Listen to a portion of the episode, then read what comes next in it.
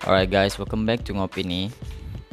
Pada kesempatan kali ini gue bakal uh, nge-retake ulang atau nge-podcast ulang Tentang satu judul.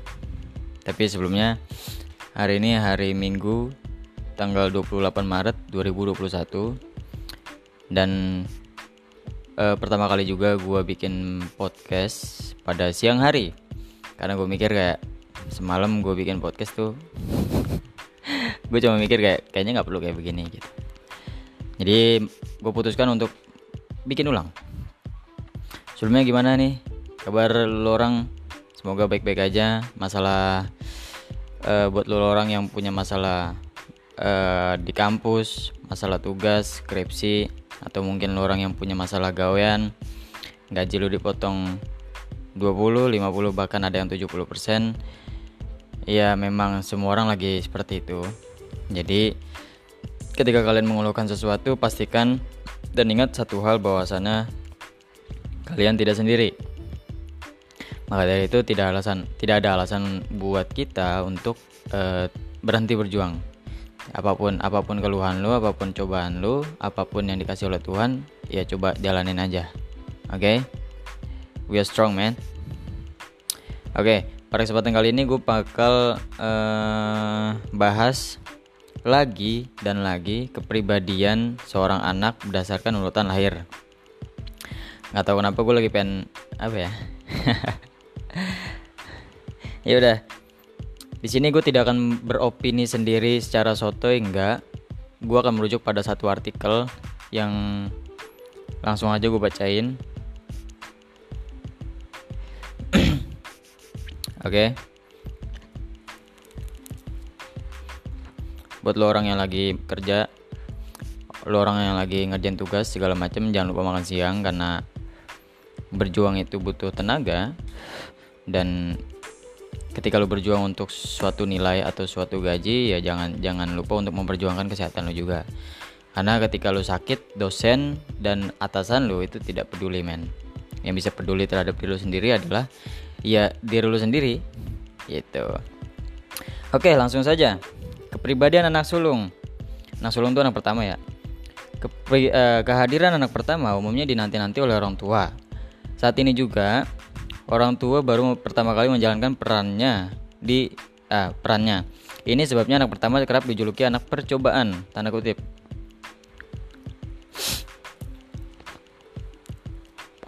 Dalam arti, orang tua masih meraba-raba dalam menemukan pola asuh atau cara mendidik yang pas. Selain itu, umumnya orang tua masih bersikap idealis dalam berbagai aspek. Idealis tuh kayak uh, biasa kan kalau orang tua orang tua menyambut anak pertamanya tuh kayak mikir, wah pokoknya anak gua harus cantik, pokoknya anak gua harus pinter, pokoknya anak gua harus gimana harus gimana harus gimana yang yang membuat ya ya itu yang disebut idealis gitu. Tanpa disadari, sikap idealis tersebut membentuk si anak pertama menjadi pribadi yang perfeksionis dan dominan. Nah, itu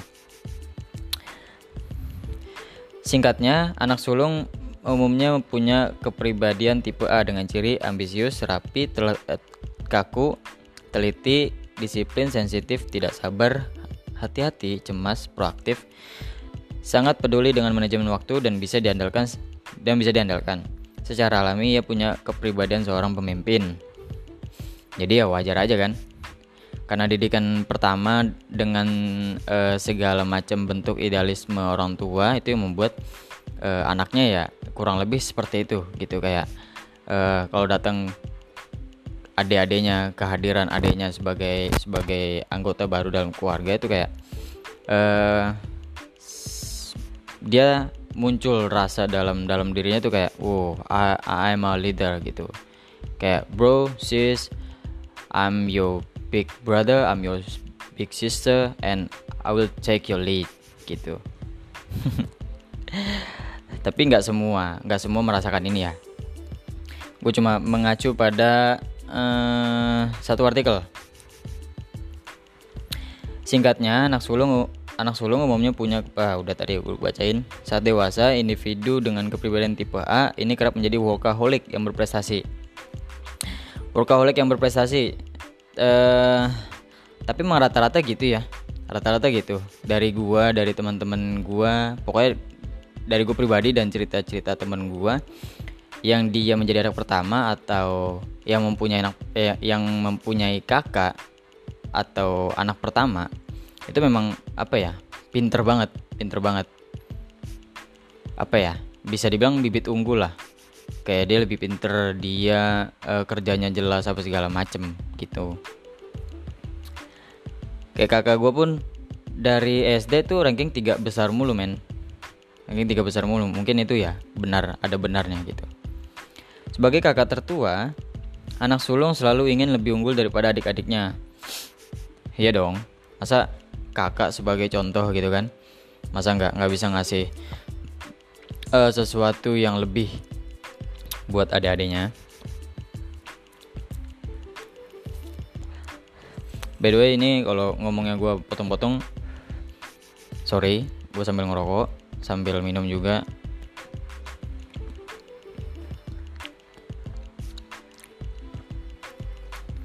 Orang tua pun berharap ia bisa menjadi posit contoh positif. Bener dong karena siapa lagi kan? Uh, sebagai kakak pertama ini kayak orang tuanya tuh berharap hmm, ia bisa menjadi contoh atau panutan atau pengambil tanggung jawab ketika orang tua tidak ada tidak ada di rumah gitu. Misalnya kakak pertama terus dia harus mengurus adik-adiknya gitu. Gitulah pokoknya. Ini memotivasi dirinya untuk menjadi teladan terhadap adiknya.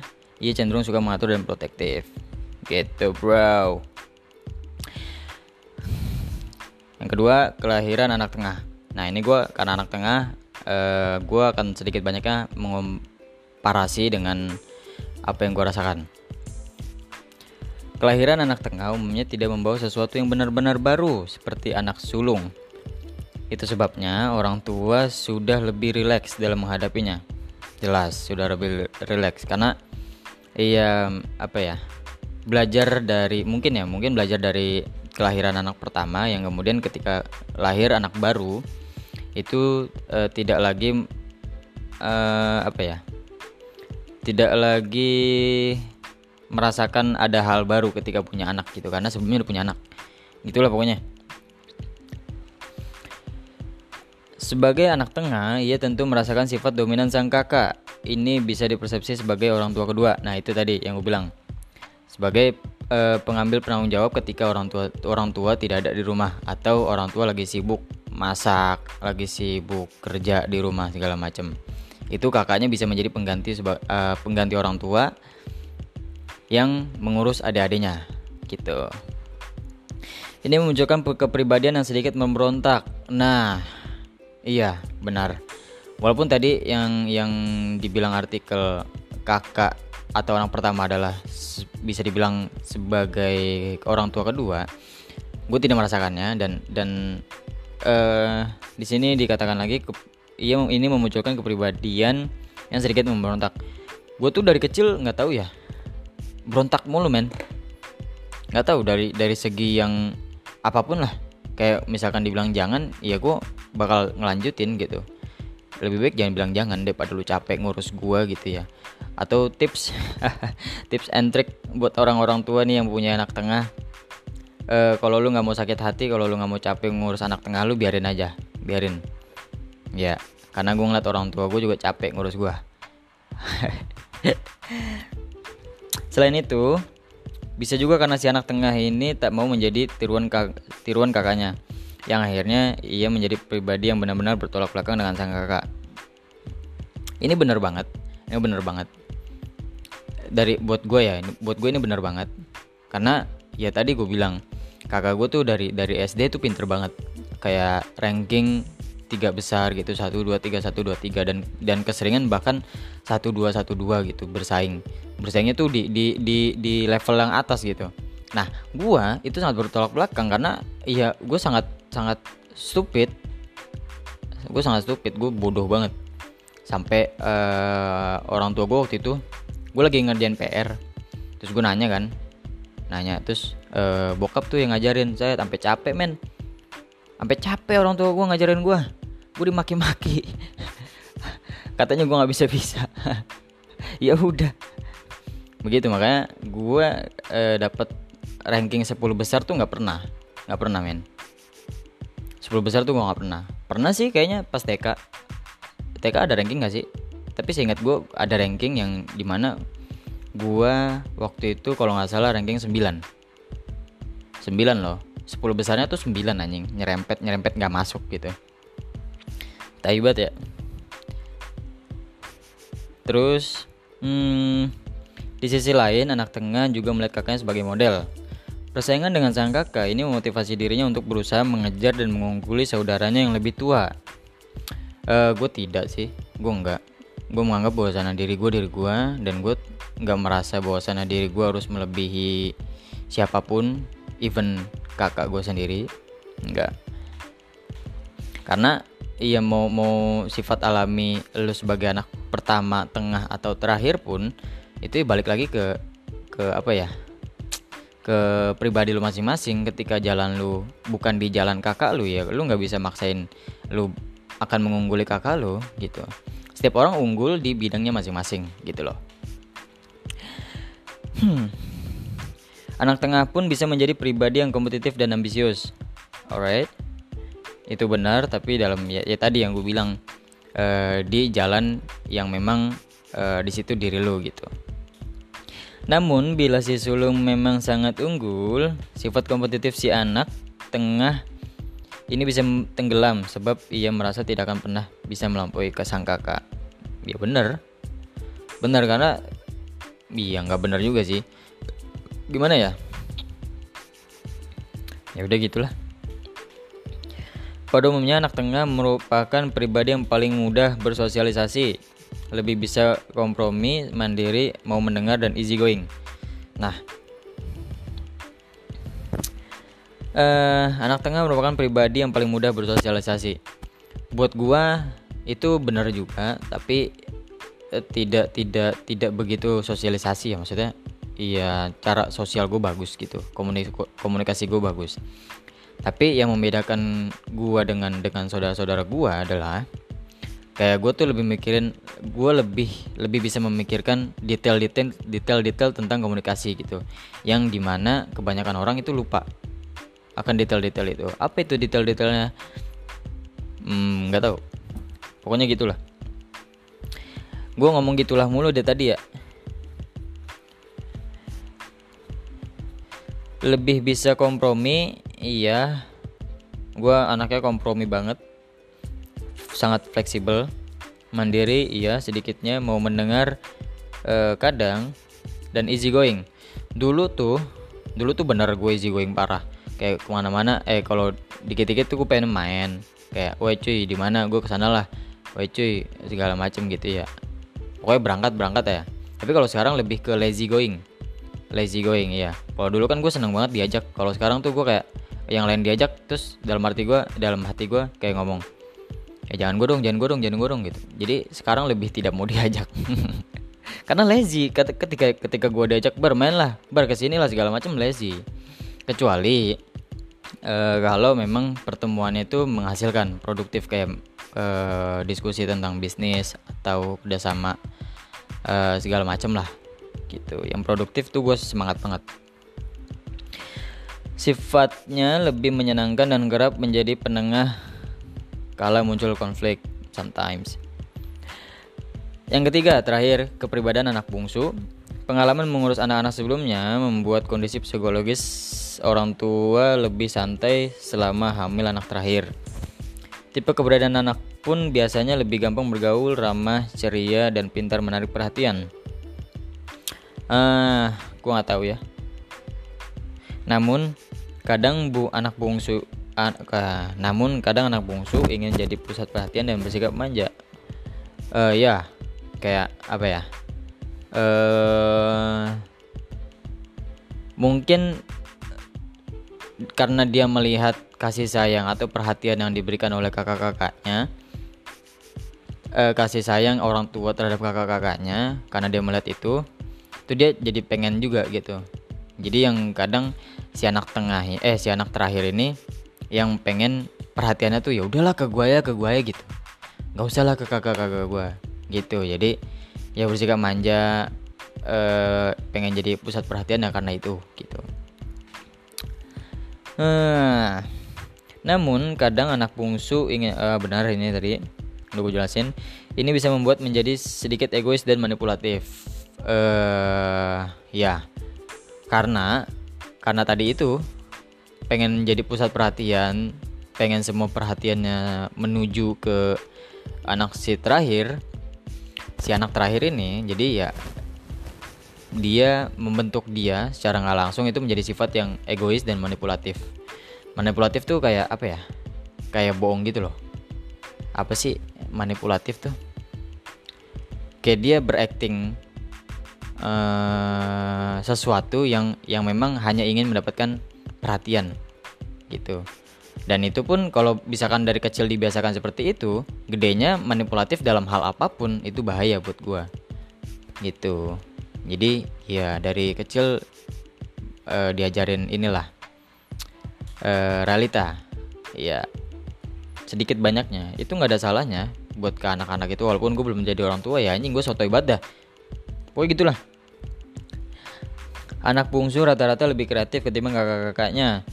Walaupun begitu karena banyak mendapatkan perhatian dalam kurung dari orang tua dan kakak-kakaknya ia bisa jadi kurang berpengalaman dan kurang mandiri. Gitu cuy. Ini buat buat lo orang yang mungkin yang mendengarkan ini adalah anak-anak terakhir. Ini bisa di, bisa jadi concern nih buat lo orang. Kayak eh kalau misalkan dari dulu lu pengen terus jadi pusat perhatian, lu manja, lu manipulatif dan lu egois, itu bisa mulai dikoreksi ini dari sekarang. Karena lu bisa mikir, lu udah gede juga segala macem, lu udah bisa mulai introspeksi bahwasannya lu juga harus mempunyai pengalaman lebih gitu. Nggak nggak melulu uh, dimanjakan oleh orang oleh orang tua gitu kan. Gitu. Kayak ya udahlah gitu e, merasa cukup akan perhatian orang tua.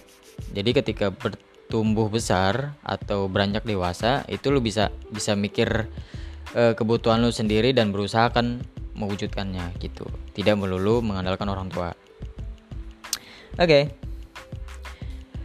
Bila orang tua terlalu membacakan si bungsu, ia bisa menjadi pribadi yang kurang berusaha. Nah, itu kurang daya juang sehingga akan sulit untuk menyelesaikan masalahnya sendiri di kala dewasa itu cuy aduh ya gitu.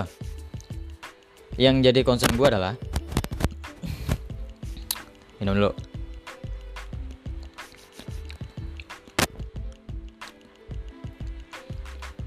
Yang jadi concern gue adalah yang bikin gue kesel juga adalah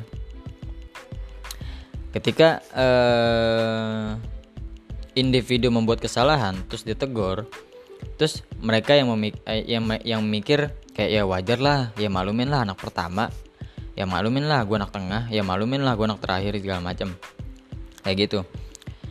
Gue kesel karena uh, pemikiran yang terus minta dimaklumi gitu. Karena kalau terus-terusan minta dimaklumi itu artinya lu menolak untuk diri lu tuh berkembang cuy.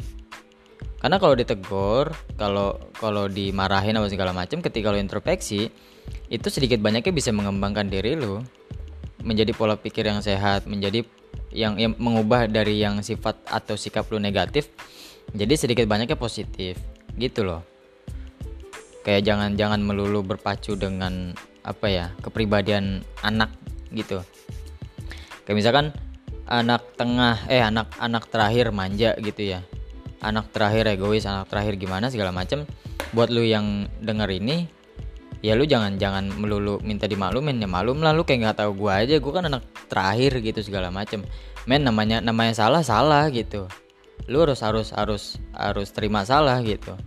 Kalau salah ditegur itu masih syukur banget cuy. Karena ada ada kesalahan yang yang nggak ditegur. Yang yang berujung ketika dia bego bego selamanya. Karena jarang ditegur. Nah, ini lo masih harus bersyukur. Karena lo masih ditegur, masih dimarahin. Tinggal gimana elunya mau introspeksi apa enggak gitu. Gitu cuy. Jangan jangan menolak berkembang lah. Indonesia ini kan sangat sangat apa ya? ketinggalan jauh. Nah, jangan biarkan individu lo ini iya tidak mengejar ketertinggalan. Itu bahaya cuy.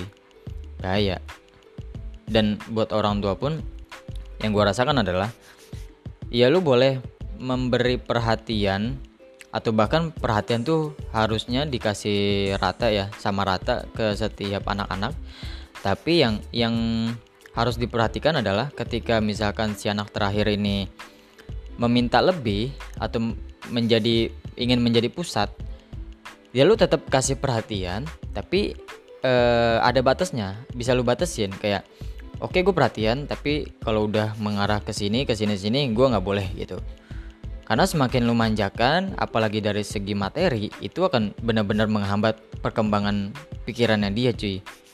Ya gak sih? Kayak misalkan kalau perhatian ya e, secara emosional ya penuhin lah. Karena itu emang memang memang faktor utama kebahagiaan dalam rumah tangga gitu kan. Cuma kalau dalam materi segi materi, pengen ini, pengen itu, pengen punya ini segala macem itu harus dipertimbangkan gitu karena ketika dia menginginkan materi dan langsung terwujud itu pada akhirnya dia akan menganggap bahwa sana uh, dia nggak perlu berusaha karena ada orang tua gue yang yang ya udah gue tinggal minta aja ntar juga dikasih gitu. Gitu cuy. Hingga kini lanjut ya. Hingga kini studi-studi yang mencari pengaruh urutan kelahiran pada kepribadian belum menghasilkan temuan yang konklusif. Jadi masih masih abu-abu ya Satu hal yang pasti adalah hubungan bermakna antara urutan kelahiran dengan kecerdasan intelektual. Dari berbagai studi ilmiah yang telah dilakukan, ditemukan bahwa tingkatan kecerdasan atau IQ menunjukkan tren yang menurun sesuai urutan lahir. Ini berarti anak pertama memiliki tingkat kecerdasan tertinggi ketimbang adik-adiknya. Wah ini nih, gue gak setuju. Karena apa? Karena tidak berlaku buat gue kenapa ya? Ini kan kalau kalau disebutin tadi itu harusnya kakak pertama, anak pertama itu pinter banget, anak kedua pinter aja, anak ketiga tuh pinter atau bahkan bego gitu ya. Tapi ini kebalik cuy, balik kakak gue pinter banget. Terus lahirlah anak kedua gue. Jadi dari pinter banget terus lahir ke gue tuh bego banget, kenapa ya? terus lahir lagi adik gua adik gua pinter cuy jadi ya gimana gua nggak dapet porsi kepintaran. Gua nggak uh, gua nggak hmm, gua ngomong itu bukan gua kesal cuma gue uh, dari beberapa cerita temen gue ya memang merasakan seperti itu. Jadi kayak dari kakaknya tuh pinter banget terus terus terkikis kepintarannya uh, sesuai atau eh gimana sih gue ngomongnya pokoknya banyak banget yang ngerasain teman-teman gue tuh yang punya kakak yang punya kakak itu kayak pinternya nurun gitu. Tapi kadar-kadar kepintarannya juga nurun. Semak, semakin banyak anak lo ya kalau ngikutin kalau kata artikel ini bener itu artinya anak-anak terakhir tuh paling bego gitu. Paling paling apa ya? Paling nggak pinter itu cuma di gue beda anjing. Oke lanjut.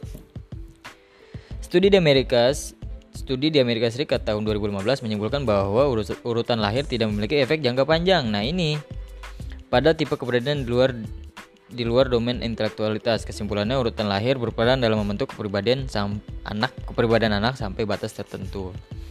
Itu cuy yang tadi gue bilang. Kayak misalkan uh, sifat bawaan dari lahir itu kan ada ada positif ada negatifnya ya. Nah, ketika lu udah bisa mikir, ketika lu beranjak dewasa dan uh, suatu saat sifat atau sikap negatif lu tuh ditegur sama orang, ya ada baiknya lu introspeksi. Jangan jangan terus-terus meminta pemakluman bahwasannya ya wajar lah gue anak anak tengah, ya wajar lah gue anak pertama atau anak terakhir segala macam enggak.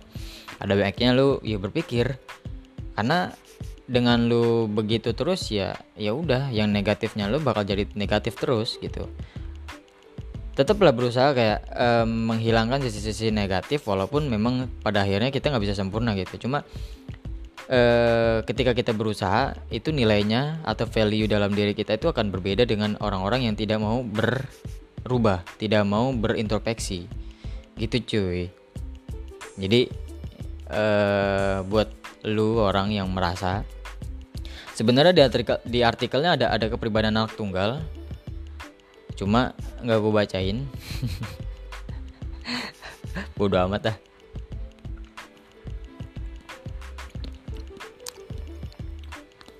Cuma ya gitu. Lu bisa lu hanya bisa diwajarkan sifat dan sikap negatif lu itu ketika lu eh, belum beranjak dewasa belum balik. Ketika lu udah balik ya lu introspeksi kayaknya gua nggak perlu kayak gini deh ketika lu salah ya ngerasa salah. Salah ya malu salah ya minta maaf gitu.